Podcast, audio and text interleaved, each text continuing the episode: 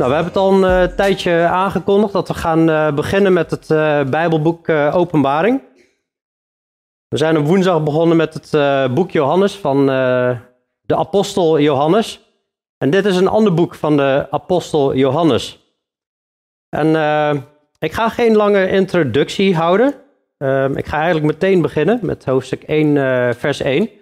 Dat komt omdat hoofdstuk 1 eigenlijk het boek zelf introduceert dus uh, ja, wat is er mooier dan uh, de Bijbel zichzelf te laten introduceren?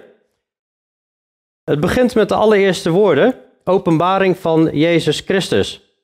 Voor wie een eh, HSV hebben, de herziene statenvertaling, er staat een titel boven het boek, de openbaring van Johannes. Dat klopt dus niet, het is de openbaring van Jezus Christus aan Johannes. Maar goed, we begrijpen wel wat ermee bedoeld wordt, maar ik heb het toch doorgestreept. We hebben te maken met een, een, een openbaring die Jezus Christus, Jezus de Messias, ons wil geven, die God hem gegeven heeft, staat er. Dus eigenlijk is de openbaring zelfs van God de Vader, die Jezus Christus ons doorgeeft. Om zijn dienstknechten, dat zijn wij, te laten zien wat spoedig moet geschieden.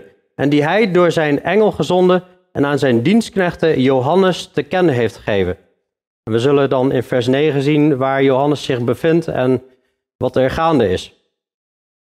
Nou, de meesten dateren dit boek rond 94 na Christus, vanwege het feit dat hij in vers 9 in gevangenschap zit op uh, Patmos, zeg maar.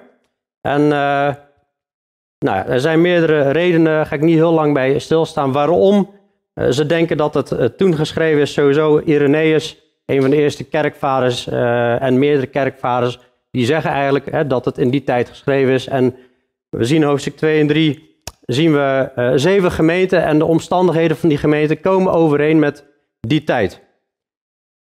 Dus het is eigenlijk het laatste boek geschreven qua tijd uh, in de Bijbel. Jaren na de laatste brieven van uh, Paulus, zeg maar, en Petrus. openbaring betekent in de grondtekst is apocalyps. Hebben vast wel van films gehoord over de apocalyps. Hè, dat, en het woord betekent eigenlijk onthulling. De unveiling. Hè, de, de, de, er wordt iets openbaar gemaakt, wat dus kennelijk ook eerder uh, verborgen was. En God wil aan zijn dienstknechten iets laten zien. Nou we zeggen wel eens van ja, soms zou je wel eens een briefje uit de hemel willen hebben, zeg maar. Nou, sowieso hebben we hier een hele dikke brief uit de hemel, de hele Bijbel. Maar God wil hier over de dingen die nog gaan gebeuren, ons een brief uit de hemel geven. En die hebben we hier voor ons, om ons te laten zien wat spoedig moet gebeuren. Eh, je kunt het eigenlijk zien als een soort, soort uh, treinstation, zeg maar, waar eigenlijk alles samenkomt van alle profetieën uit het Oude Testament. Er staan overal staan er fragmenten. En daar heb je al, daardoor heb je al best een aardig beeld van wat er gaat gebeuren. Dat hebben we ook gezien in het boek Daniel op de woensdagavonden hoeveel daar al onthuld wordt. En uit Jezaja en Zacharia en Ezekiel staan heel veel, uh, heel veel uh, profetieën en die komen hier allemaal samen. Een soort centraal station waar al die profetieën samenkomen. Zodat we een, een beter beeld hebben. En nog steeds zullen er aan de rand stukjes zijn die we niet helemaal kunnen plaatsen. Maar de kern is duidelijk. Het is als een soort nachtwachtschilderij waarin het midden is duidelijk en dan wordt het steeds donkerder aan de randen, waardoor je niet helemaal kan zien wat speelt zich daar nou af. Maar dat boeit niet, dat maakt niet uit. God heeft ons genoeg informatie gegeven, uh, wat hij nodig vindt dat wij weten. Dus de apocalyps, de, de onthulling van Jezus Christus, die God hem gegeven heeft om zijn dienstknechten hij schrijft het rechtstreeks zo, zullen we zien, aan zeven gemeenten, maar het is ook net zo goed voor ons bedoeld. De brieven werden uitgewisseld al in het begin, vanaf uh, de Bijbel. Eh, als je een Colossense brief bekijkt, zeg maar, dan staat er, geef hem ook aan die van, aan de christenen in Laodicea, die zaten vlak bij elkaar. Die brieven die roleerden. En dan zegt hij om te laten zien wat spoedig moet geschieden. Nou, dan denk je van, hé, hey, maar we zijn al 2000 jaar verder bijna. En hier staat wat spoedig moet geschieden. En dan zien we dingen over het einde van de wereld. En over hoe de wereld geoordeeld gaat worden. En over het nieuwe hemel en nieuwe aarde en een duizendjarig vrederijk. Maar hoe kan dat nou? Hier staat het moet spoedig gebeuren en het is nog niet gebeurt. Nou, er zijn ook sommige mensen die gaan hier dus mee aan de haal en die gaan hele andere aparte leringen opwerpen om te zeggen, ja, het moet spoedig gebeuren, dus we moeten het toch anders gaan zien. Nee, maar de Bijbel legt zichzelf uit. Petrus heeft dit vraagstuk al behandeld, wat er bedoeld wordt met spoedig. En hij zegt op een gegeven moment 2 Petrus, in 2 Petrus 3 vers 3, dit moet u allereerst weten, dat er in, de laatste der dagen, in het laatste der dagen spotters zullen komen, die naar hun eigen begeerte zullen wandelen en zeggen, waar is de belofte van zijn komst? Want vanaf de dag dat de Vader ontslapen zijn, blijven alle dingen zoals vanaf het begin van de schepping. Dan gaan we naar 2 Petrus 3 vers 8. Maar laat vooral dit u niet ontgaan, geliefde, dat één dag bij de Here is als duizend jaar en duizend jaar als één dag. De Heere vertraagt de belofte niet, zoals sommigen dat als traagheid beschouwen. Maar hij heeft geduld met ons, met, met de mensheid, en wil niet dat enige verloren gaan, maar dat alle tot bekering komen. Dus bij een mens is een dag een dag en lijkt het allemaal lang te duren. Maar bij, een, bij de Heer is een dag als duizend jaar, en duizend jaar als een dag. Dus voor de Heer zijn er nog maar, bij wijze van spreken, een paar dagen voorbij. dus het gaat nog steeds spoedig gebeuren. En, en sommigen kunnen het traagheid noemen, maar dat is het dus niet. Het is puur het geduld van God, waardoor het nog uitgesteld wordt. zodat er nog mensen tot bekering kunnen komen. Maar de dag van de Heer, en daarmee wordt bedoeld het einde van de tijden, dat zal komen als een dief in de nacht. Dan zullen de hemelen met gedruis voorbij gaan en de elementen brandend vergaan en de aarde en de werken daarop zullen verbranden. Als deze dingen dus allemaal vergaan, hoedanig behoort u dan te zijn in heilige levenswandel en in godsvrucht? Dus daarmee hebben we meteen verklaard, mijn zinziens, en heel duidelijk, wat spoedig moet gebeuren, waarom het nog niet gebeurd is, wat we allemaal gaan lezen in het boek Openbaring. Maar het is nog steeds aanstaande voor de deur. Dus openbaring van Jezus Christus die God hem gegeven heeft om zijn dienstknecht te laten zien wat spoedig moet geschieden, gebeuren. En die hij door zijn engel gezonden en aan zijn dienstknecht Johannes te kennen heeft gegeven. Nou, dus, er zijn dus meerdere aanwijzingen waardoor, waardoor we weten dat het gaat over de apostel Johannes. Deze heeft van het woord van God getuigd en van het getuigenis van Jezus Christus, alles wat hij gezien heeft. We zien ook dat Johannes, de apostel, een van zijn belangrijke kenmerken is altijd wijzen naar het woord van God. Meteen het evangelie van Johannes, geen introductie, meteen in het begin was het woord en het woord was bij God en het woord was God. Hij wijst meteen naar het woord. In de eerste Johannesbrief wijst hij ook meteen naar het woord van God. Ook hier wijst hij meteen naar het woord van God. En heeft uh, van het woord getuigd en van het getuigenis van Jezus Christus. We zien ook uh, hier in hoofdstuk 1 zien we Jezus geïntroduceerd. En nadat alle rampen zich hebben voltrokken over de aarde, zien we in hoofdstuk 19 Jezus terugkomen. En als we dat zien, dan zien we ook dat hij als het woord van God komt. In openbaring 19, ik zag de hemel geopend en zie een wit paard. En hij die daarop zat, werd getrouw en waarachtig genoemd. En hij oordeelt en voert oorlog in gerechtigheid. En zijn ogen waren als een vuurvlam. En op zijn hoofd waren vele diademen, dat zijn kronen. En hij had een naam die opgeschreven was en die niemand kent dan hijzelf. En hij was bekleed met een in bloed gedoopt bovenkleed. En zijn naam luidt het woord van God. En de legers in de hemel volgden hem op witte paarden, gekleed in fijn linnen, wit en smetteloos. En uit zijn mond kwam een scherp zwaard, opdat hij daarmee de heidevolken zou slaan, en hij, hij zal hen hoeden met een ijzeren staf. En hij treedt de wijnpersbak van de wijn van de grimmige toorn van de Almachtige God. En er stond op zijn bovenkleed en op zijn dij deze naam geschreven: Koning der Koningen en Heere der Heren. Het staat onomstotelijk vast dat dit over Jezus gaat. Het woord van God, Koning der Koning en Heere de Heren. Zo zet Johannes hem neer. Zo krijgt hij het ook door van God. Hè, dat Jezus het woord van God is. Maar je ziet ook hoe bizar het is wat hier eigenlijk staat. Ogen als een vuurvlam. Uit zijn mond kwam een scherp zwaard. Dat zullen we hier in hoofdstuk 1 zullen we dat ook gaan zien. Johannes getuigt van dat woord en van het getuigenis van Jezus Christus. Alles wat hij gezien heeft. Vers 3. Zalig is hij die leest en zijn zij die horen de woorden van de profetie en die in acht nemen wat daarin geschreven staat, want de tijd is nabij. Dus we zien meteen dat hier een zegen op rust. Zalig is hij die leest. Voor mij is er een zegen om dit voor te lezen, voor te dragen aan jullie. En zijn zij die horen de woorden van de profetie. Er is een zegen voor jullie om dit te horen. En als je het hoort en je leest ook nog mee op je schoot, heb je een dubbele zegen. nee, sorry, daar maak ik ervan. Nee, maar het is, zalig is hij die leest en zijn zij die horen de woorden van de profetie. Dit boek wordt gezien als een profetie. Dat is interessant, want hoofdstuk 2 en 3 gaan over zeven gemeenten en wordt ook gezien als profetie, waarin Jezus zeven gemeenten gaat beoordelen en daarna komt wat hierna gaat gebeuren. Maar het is niet alleen maar lezen en horen dat, er die dat je dan die zegen ontvangt. Het gaat gecombineerd met die in acht nemen, de profetieën in acht nemen, wat daarin geschreven staat. Want de tijd is nabij. Dus het is deze woorden opsluiten in je hart. En niet alleen maar opsluiten in je hart, maar ook toepassen in je leven.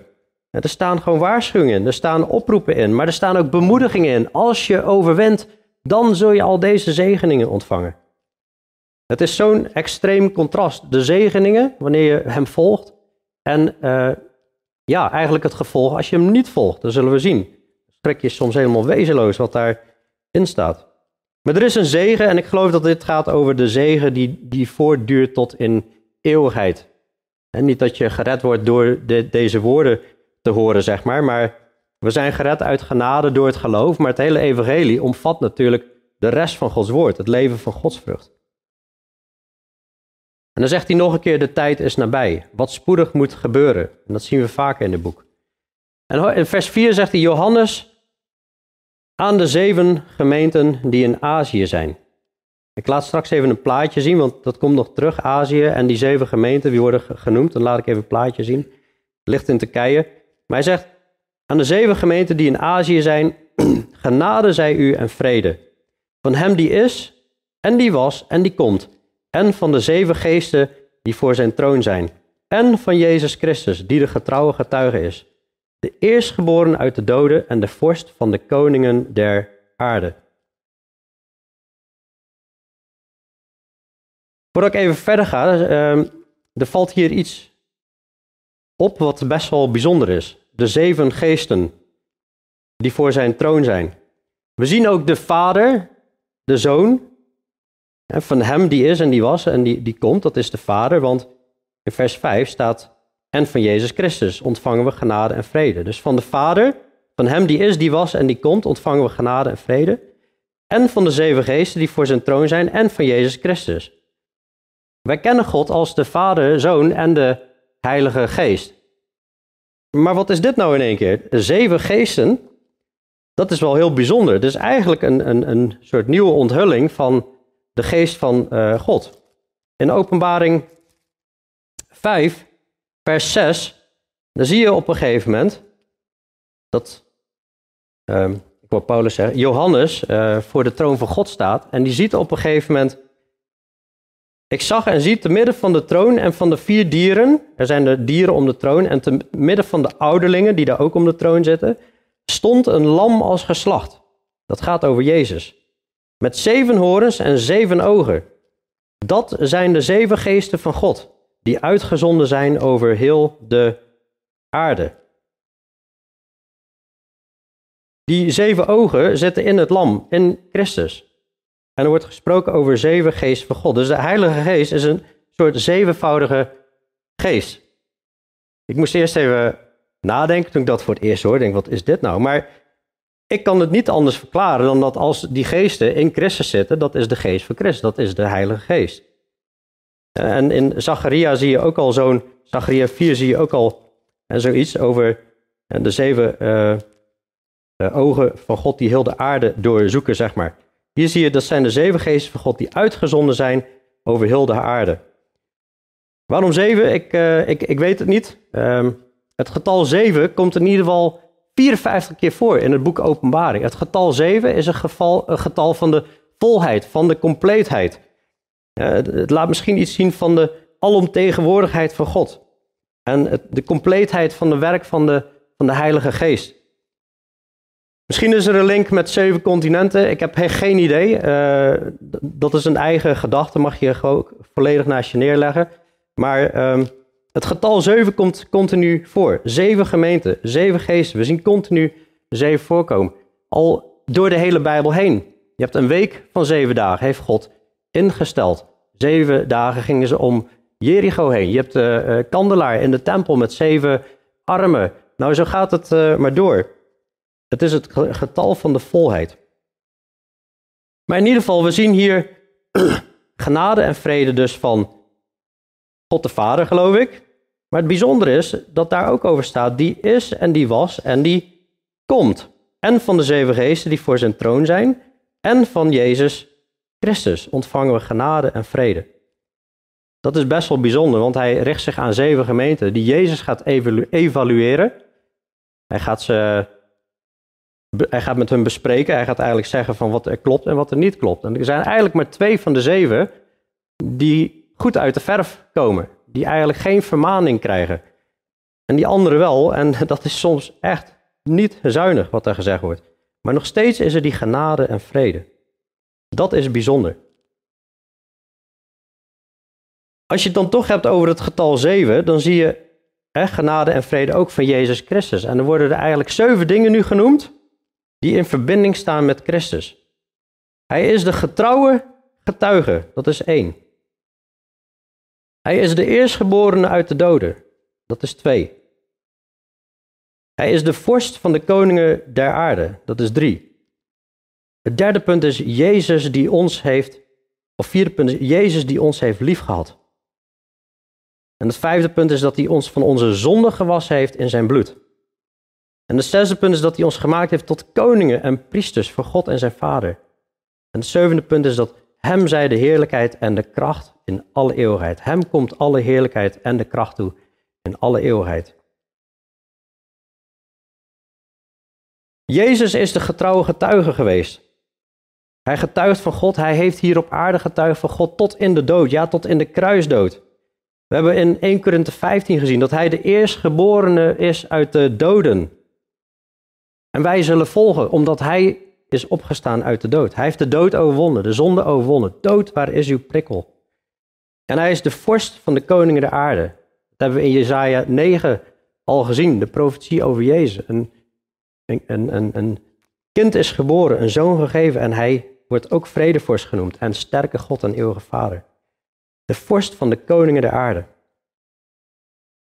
En dan staat er hem en de vraag is altijd, hey, naar wie verwijst dit hem? Ik denk naar Jezus, omdat er staat, als je ervan maakt, Jezus die ons heeft liefgehad en ons van onze zonde gewassen heeft in zijn bloed en die ons gemaakt heeft tot koningen en priesters voor God en zijn Vader. Als je hem, bij hem zou zeggen God de Vader, dan loopt dat niet logisch en lekker die zin. Dus Jezus heeft ons lief gehad. Maar de Vader heeft ons ook lief gehad, heeft de wereld lief gehad, zodat hij zijn enige zoon gegeven heeft. Wat een liefde van God de Vader en van Jezus, die ons heeft lief gehad en natuurlijk nog lief heeft, dat hij ons van onze zonde gewassen heeft in zijn bloed. Zo'n ontzettend extreem hoge prijs is er betaald voor onze zonden. Ik kan mijn auto laten wassen voor tussen de 6 en de 10 euro bij een wasstraat. Niet zo'n hele hoge prijs. En dan wordt je auto uh, gewassen. Alleen, ja, je zult altijd die hoekjes in de velgen hebben die net weer niet schoongemaakt worden. Maar ja, goed, het is dan ook maar 6 tot 10 euro. Hè? Ik kan onder de douche staan en voor een paar cent kan ik mij schoonwassen van buiten. Maar om ons compleet te wassen, om ons compleet van onze zonde te reinigen, moest God, moest Jezus sterven aan het kruis en er is een extreem hoge prijs betaald, wat eigenlijk totaal niet in verhouding staat.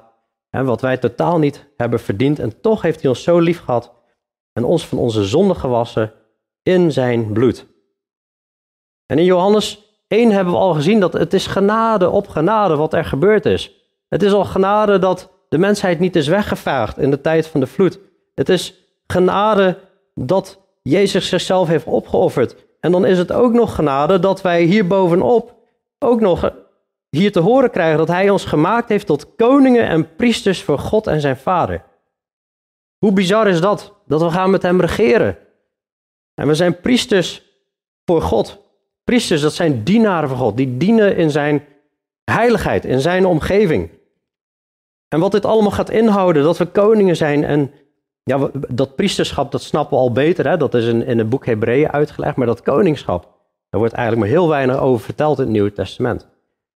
Maar één ding weet ik wel, in Deuteronomium 17, er staat een opdracht aan koningen, dat ze elke dag, ze moeten een kopie van het woord van God bij zich hebben. Die moesten ze zelf overschrijven trouwens, dus wees blij met de kopieermachines van tegenwoordig. ze moesten een kopie, een afschrift van het woord van God bij zich hebben en daar dagelijks uit lezen. Waarom? Zodat ze zouden wandelen in de geboden van de Heer, in de weg van de Heer, en dat hun hart zich niet zou verheffen ten opzichte van hun broeders. En dat vind ik een van de mooiste boodschappen voor een koning die ik zie in de Bijbel, die wij kunnen toepassen.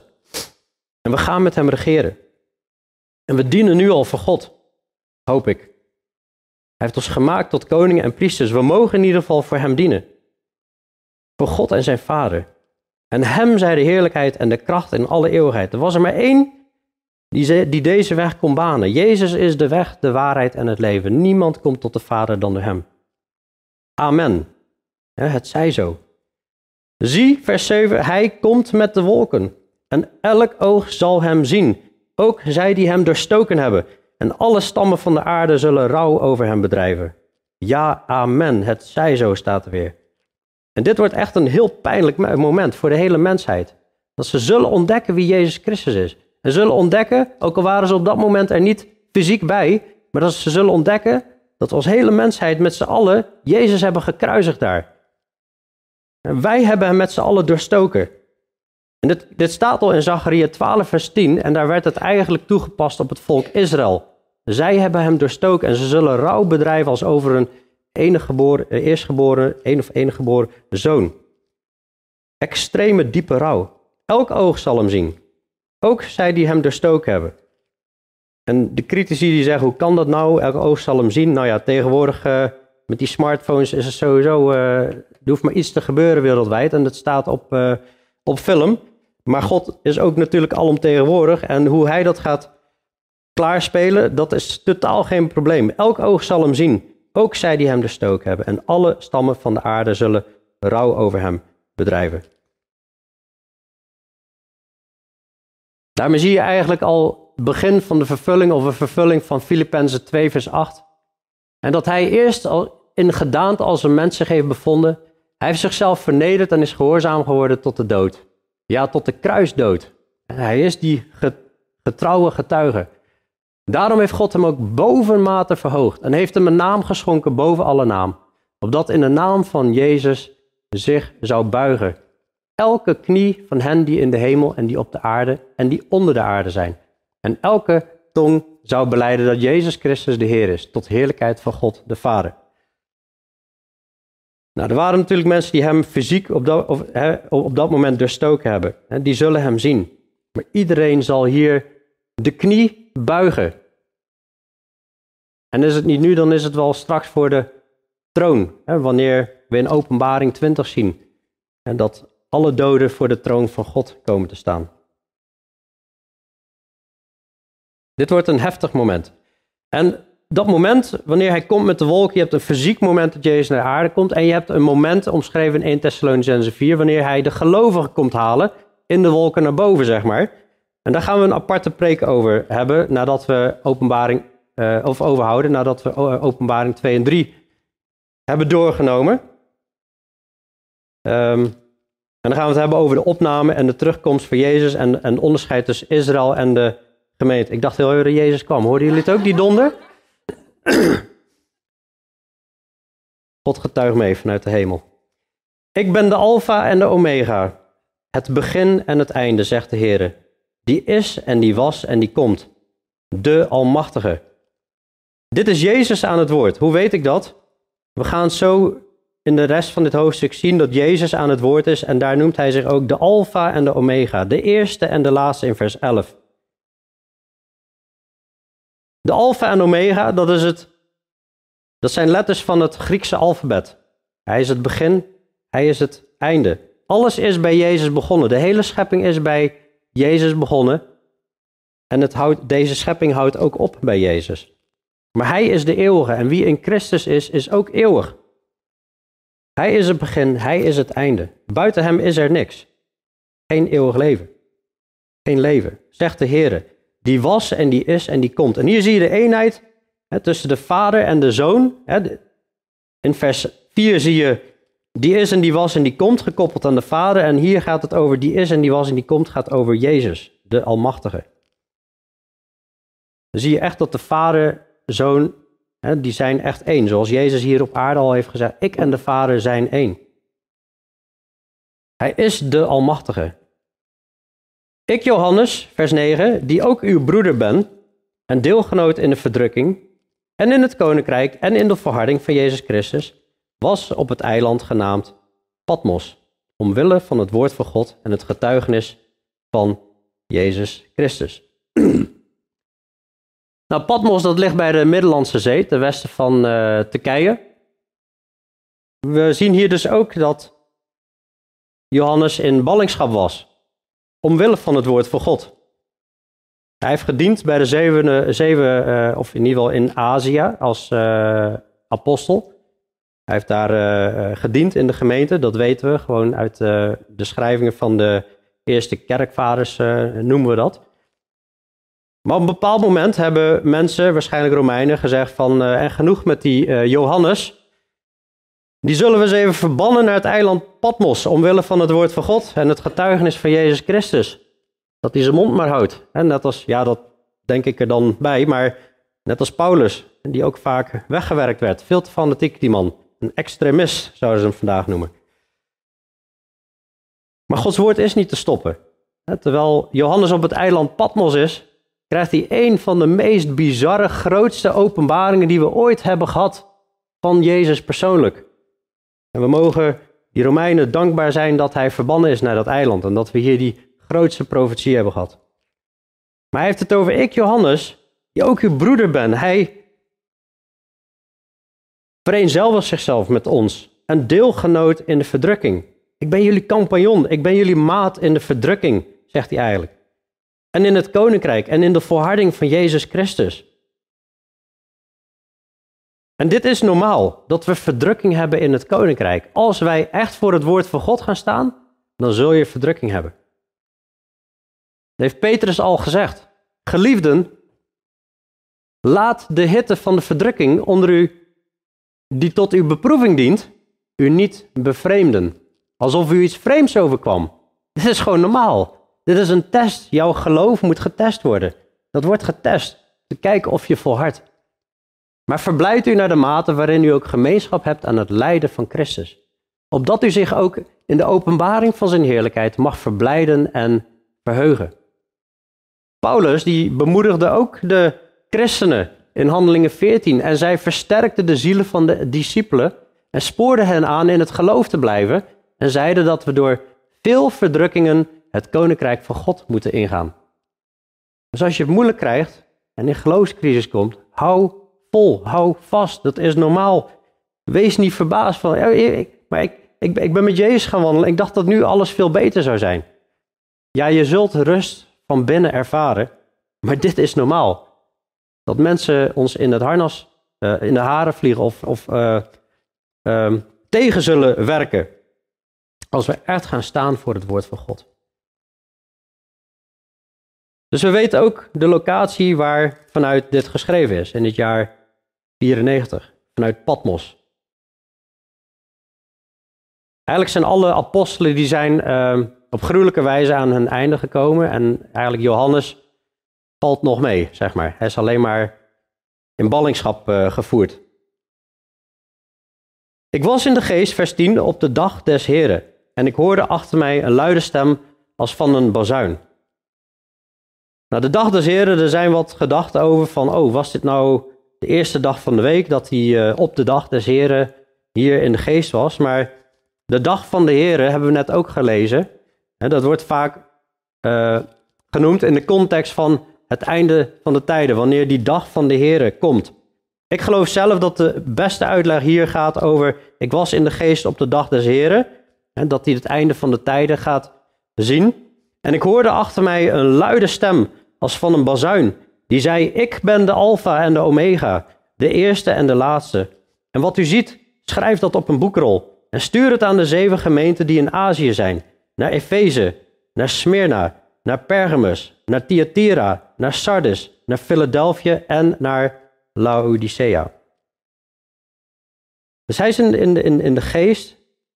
God neemt hem mee in de, in, in de geest. En om dingen te gaan zien. En dan hoort hij die een luide stem.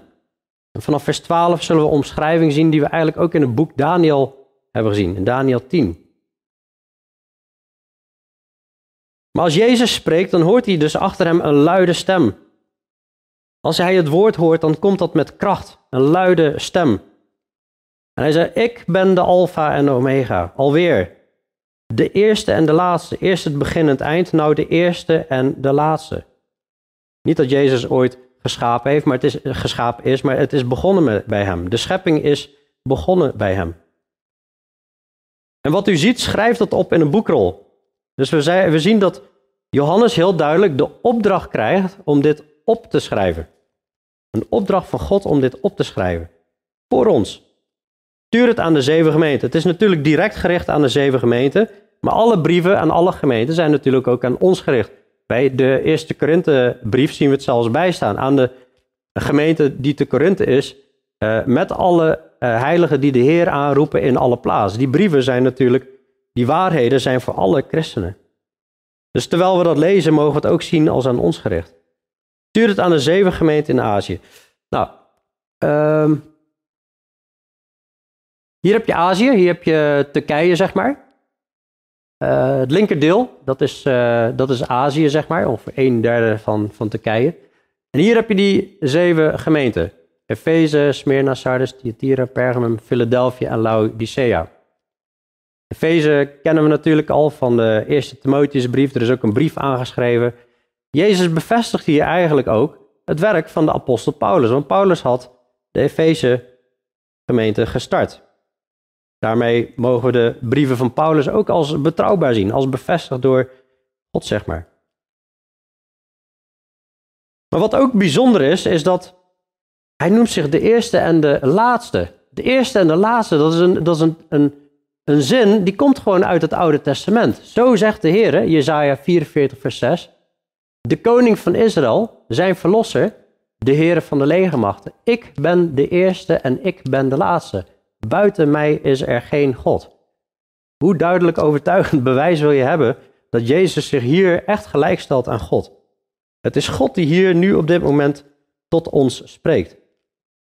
En ik keerde mij om om de stem te zien die met mij had gesproken. En toen ik mij had omgekeerd, zag ik zeven gouden kandelaren. Weer zeven, het getal zeven, zeven gouden kandelaren. Dat wordt uitgelegd in vers 20, dat dat staat voor zeven gemeenten zullen we tegenkomen. Ik geloof ook dat het hier gaat om, als je zoekt op die kandelaren, dan zie je heel veel uh, plaatjes met één zo'n kandelaar met een kaars. Ik geloof dat het gaat over de menorahs, de zevenarmige kandelaar. Waarom? Omdat in het hele boek Openbaring zie je eigenlijk allerlei attributen, elementen uit het tabernakel zie je terugkomen. Je ziet op een gegeven moment de tempel eh, van God geopend worden in de hemel met de ark van het verbond. Je ziet het, wier, eh, of het eh, reukofferaltaar. En ik geloof dat dit ook te maken heeft met de menorah, de zevenarmige kandelaar. Die moest ook altijd blijven branden in de tabernakel. Het licht moest altijd blijven schijnen. Het wordt gekoppeld hier aan de gemeente. De gemeente is eigenlijk de realiteit van het plaatje van de tabernakel. Hebben we in, in de Hebreeënbrief helemaal uitgewerkt. Toen Mozes de tabernakel moest bouwen, zag hij op de berg zag hij een plaatje van het echte. En hij moest dus een plaatje op aarde maken waar wij weer de realiteit van zijn, zeg maar. Ik geloof dat dit gaat om, om, de zevenarmige kandelaren, waar God wil dat altijd het licht blijft branden. Dat zien we ook in, in hoofdstuk 2, als uh, de Efeze gemeente wordt aangesproken, er wordt gezegd, en bekeer je, opdat de kandelaar niet weggenomen wordt. Hè? Anders, anders gaat het licht uit, om het zo maar te zeggen. En te midden van die zeven kandelaren, vers 13, zag ik iemand die op de zoon des mensen leek. Nou ja, hoe, hoe duidelijk is het dat dit over Jezus gaat?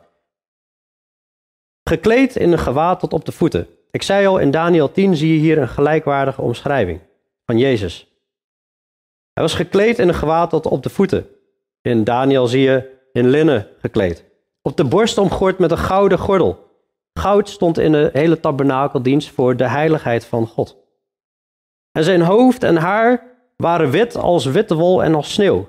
Wat bijzonder is, in Daniel 7 zie je deze omschrijving gekoppeld aan de Vader. En zijn ogen waren als een vuurvlam. Dat zie je ook in Daniel 10. Dat hebben we ook net in Openbaring 19 gezien. Als Jezus komt met ogen van een vuurvlam.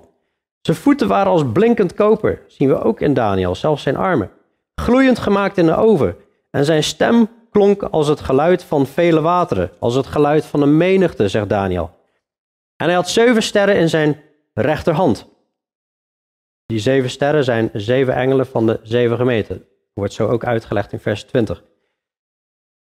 Dus daar komen we even op, pauzeer ik heel even. Hij had zeven sterren in zijn rechterhand en uit zijn mond kwam een tweesnijdend scherp zwaard. En zijn gezicht was zoals de zon schijnt in haar kracht.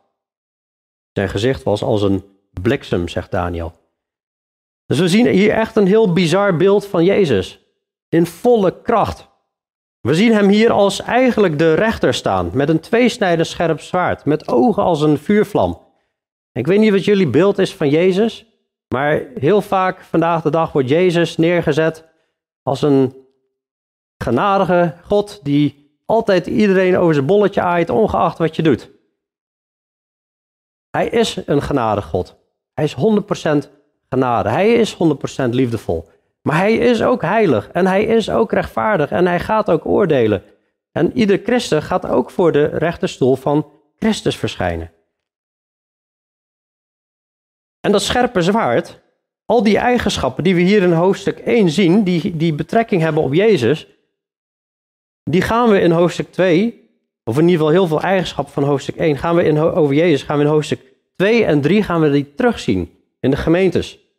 Elke keer als hij een gemeente aanspreekt, hoofdstuk 2 vers 1, schrijf aan de engel van de gemeente in Efeze, dit zegt hij die de zeven sterren in zijn rechterhand houdt, die te midden van de zeven gouden kandelaren wandelt. En dat zegt hij met een reden. Heeft hij dan over, pas op dat ik de kandelaar niet wegneem. In hoofdstuk 2 vers 8 zie je, dit zegt de eerste en de laatste die dood is geweest en weer levend is geworden. En heeft hij weer een boodschap. Hoofdstuk 2, vers 12. Dit zegt hij die het tweesnijdende scherpe zwaard heeft. Dan zie je allemaal eigenschappen van Jezus, zie je terugkomen in de boodschap en is gelinkt aan de boodschap die hij heeft aan die zeven gemeenten. Maar terwijl we kijken naar de evaluatie van die zeven gemeenten, worden wij ook geëvalueerd. Als gemeente, maar ook in ons persoonlijk leven. In 1 Petrus 4, vers 17, daar staat nu is het de tijd dat het oordeel begint bij het huis van God. En als het eerst bij ons begint, wat zal het einde zijn van hen die het evangelie van God ongehoorzaam zijn? Jezus is natuurlijk gestorven voor onze zonden om ons schoon te wassen. En dat is fantastisch nieuws. Dat is echt super mooi. Maar hij is ook gestorven zodat wij kunnen wandelen in heiligheid door de kracht van de Heilige Geest. En als we dat niet doen, hij, hij geeft zijn woord het woord van God is levend en krachtig en scherper dan enig tweesnijdend zwaard. En het dringt door tot op de scheiding van ziel en geest, van gewrichten en merg. En het oordeelt de overleggingen en gedachten van het hart. Als wij het woord van God bekijken, ja, dan merk je soms van, oei, dit is vlijm, vlijm scherp. Uh, hier moet ik iets mee, dit raakt mij, dit, ik hoor iets wat in mijn hart niet klopt. Uh, en ik zie ook dat ik hier iets mee moet gaan doen, want anders. En dan zullen we zien, het, het, geeft, het, geeft, het is tweesnijdend, het geeft zegen en het geeft vloek. Een tweesnijdend, scherp zwaard. Wat de Heer wil, is dat wij wandelen in zijn weg.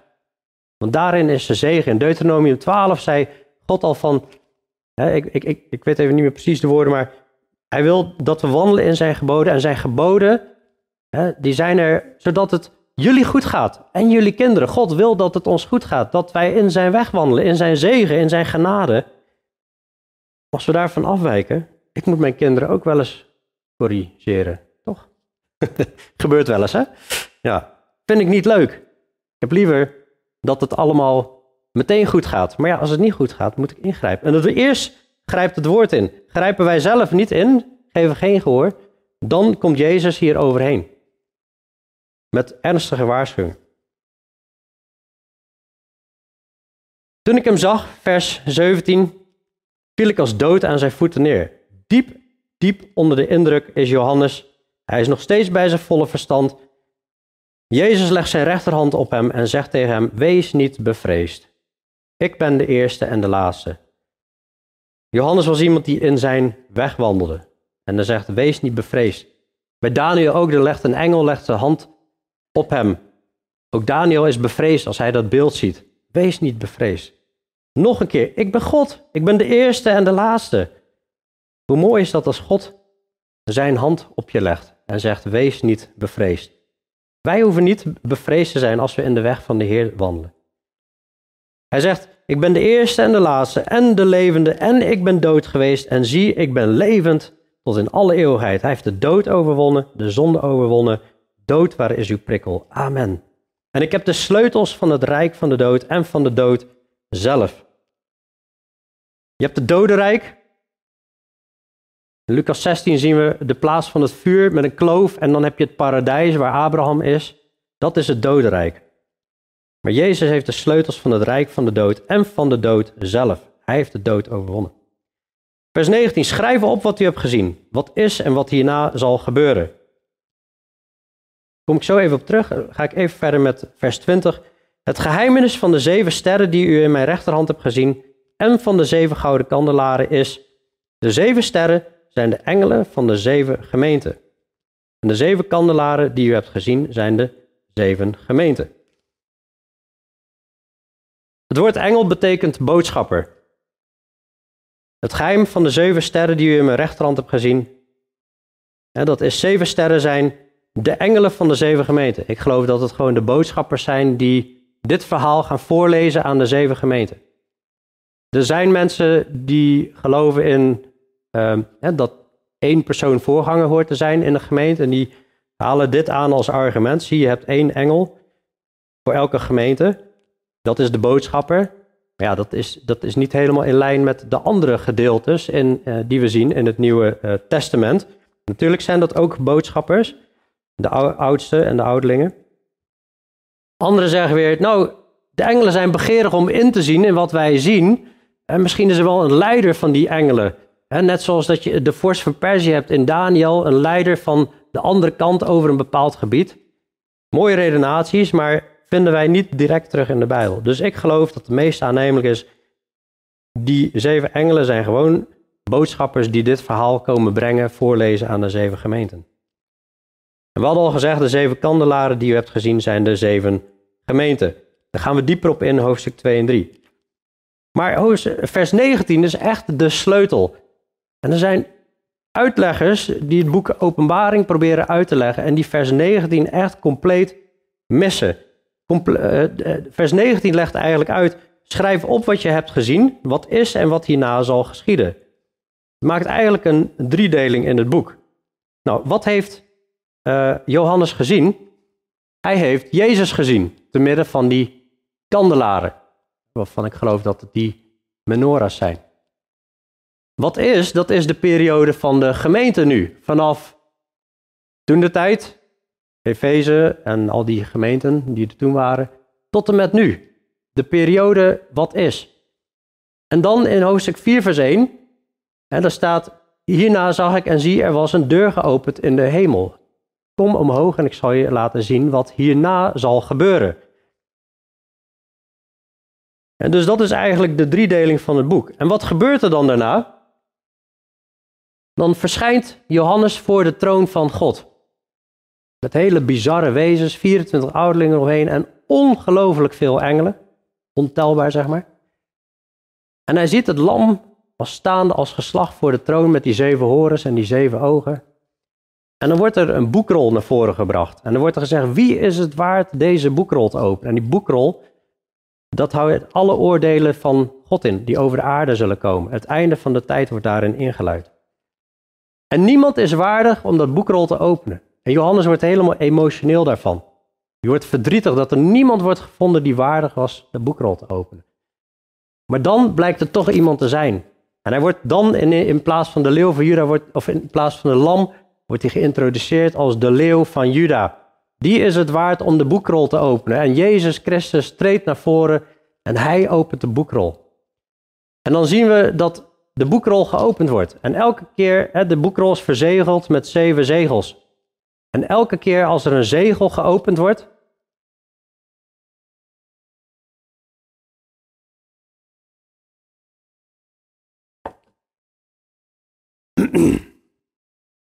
Elke keer als er een zegel geopend wordt, dan komen er bizarre rampen. Bij de eerste vier zegels sterft al een kwart van de mensheid. Bij zevende zegel komen er zeven engelen met zeven bezuinen naar voren. Met extreme rampen over de aarde. En bij de zevende engel met de zevende bezuin komen er zeven engelen met zeven schalen komen naar voren. En die gaan die schalen uitgieten over de aarde met de overtreffende trap. Zeer extreme en zware rampen. Tot op het eind alle eilanden, alle bergen zijn van een plek gerukt. Er komen hagelstenen van 45 kilogram uit de lucht. Echt alles vernietigend. Alle water verandert in bloed. Dit gaat over een periode, geloof ik, van zeven jaar. Die laatste jaarweek van Daniel hebben we besproken op de woensdagavonden. Je ziet hier ook meerdere keren drieënhalf jaar uh, terugkomen. Ook de tijd dat de antichrist zich openbaart. En dan komt, dan wordt hij vernietigd door Jezus, die komt terug en dan komt er een duizendjarig vrederijk hier op aarde, waarin Jezus zal heersen met een ijzeren scepter. Dus mensen die afwijken, die worden hard aangepakt. Dan zal er vrede zijn.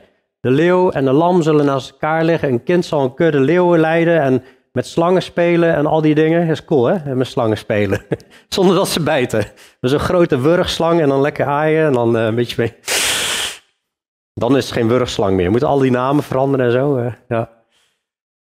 En dan zien we in hoofdstuk 21 en 22. Zie, ik maak alle dingen nieuw. Er komt een nieuwe hemel. Er komt een nieuwe aarde. Er komt een nieuw Jeruzalem, een hemels Jeruzalem.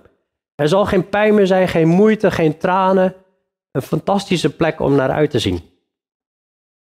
Heel kort samengevat, Christus is gestorven, dan heb je de gemeentetijd, ongeveer 2000 jaar, was verborgen door de eeuwen.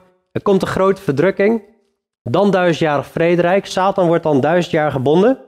En dan wordt hij nog één keer kort losgelaten en dan wordt de hele aarde hier verbrand. Ik geloof dat de opname voor de grote verdrukking is en dat Jezus terugkomst hier is. Dat gaan we dus onderbouwen nog. En daarna komt het oordeel voor de grote witte troon. En dan de huidige hemel en aarde vluchten voor zijn aangezicht. En dan komt er een nieuwe hemel en er komt een nieuwe aarde en een nieuw Jeruzalem dus. En uiteindelijk wordt de hel en de dood en de antichrist en de valse profeet worden allemaal geworpen in de pool van vuur. En iedereen wiens naam niet geschreven is in het boek des levens. Dat is de outline, de, de verhaal van openbaring. Kort samengevat, er rust een zegen op het doornemen van het boek. Zalig is hij die leest en zijn zij die horen de woorden van de profetie. En die in acht nemen wat erin geschreven staat, want de tijd is nabij. De apostel Johannes ontvangt een visioen over de eindtijd op Patmos in 94 na Christus. Hij ziet Jezus als rechter met een tweesnijdend zwaard. Hij schrijft wat hij zag, wat is en wat hierna zal geschieden. En het licht hoort te branden in de gemeente. En daar gaan we dieper op in in de komende preken. Eh.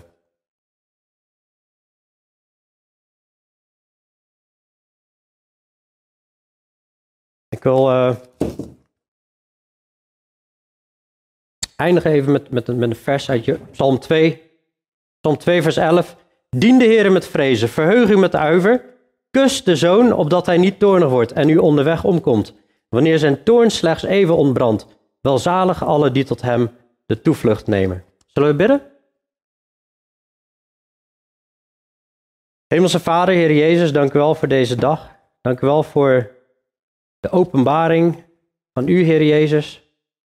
En dat we die mogen openen. Dank u wel dat we mogen zien wat, uh, mogen gaan zien wat spoedig moet gebeuren. Wat een verschijning van u, Heer Jezus, hoe u in volle kracht daar staat. Met een tweesnijdend zwaard, met ogen als een vuurvlam. Dat Johannes en Daniel echt zo diep onder de indruk zijn, zo gewoon bevreesd worden voor u.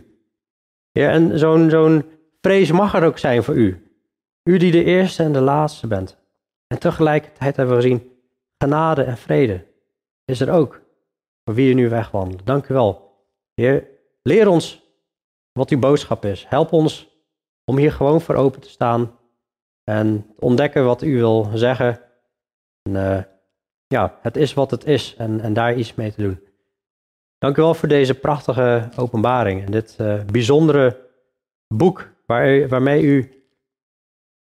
Ja, we vinden het allemaal soms wel eens moeilijk dat er zoveel ongerechtigheid in de wereld is, maar u gaat dat rechtzetten. Het recht zal zegevieren. En dank u wel dat u dat openbaart aan ons. Maar we bidden ook voor degenen die u niet kennen, die voor buren, voor vrienden, familie, collega's, Heer, die u niet kennen. Om te geven dat het ons diep zal raken, dat het innerlijke ontferming over die mensen teweeg zal brengen of zal bewerken. En dat we zullen gaan bidden en, en bidden en vasten en getuigen van uw woord en uw genade die nog aanwezig is. In Jezus' naam. Amen.